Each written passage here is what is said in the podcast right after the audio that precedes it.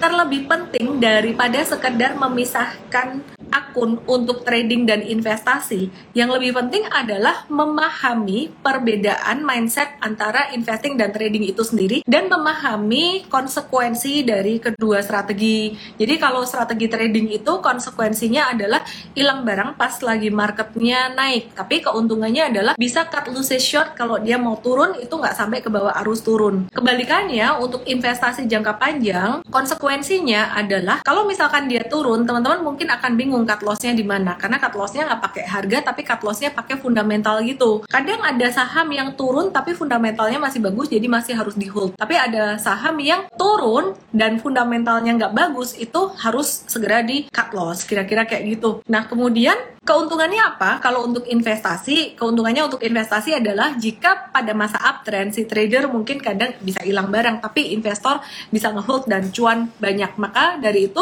ada plus minusnya masing-masing dan teman-teman harus paham akan konsekuensi keduanya gitu.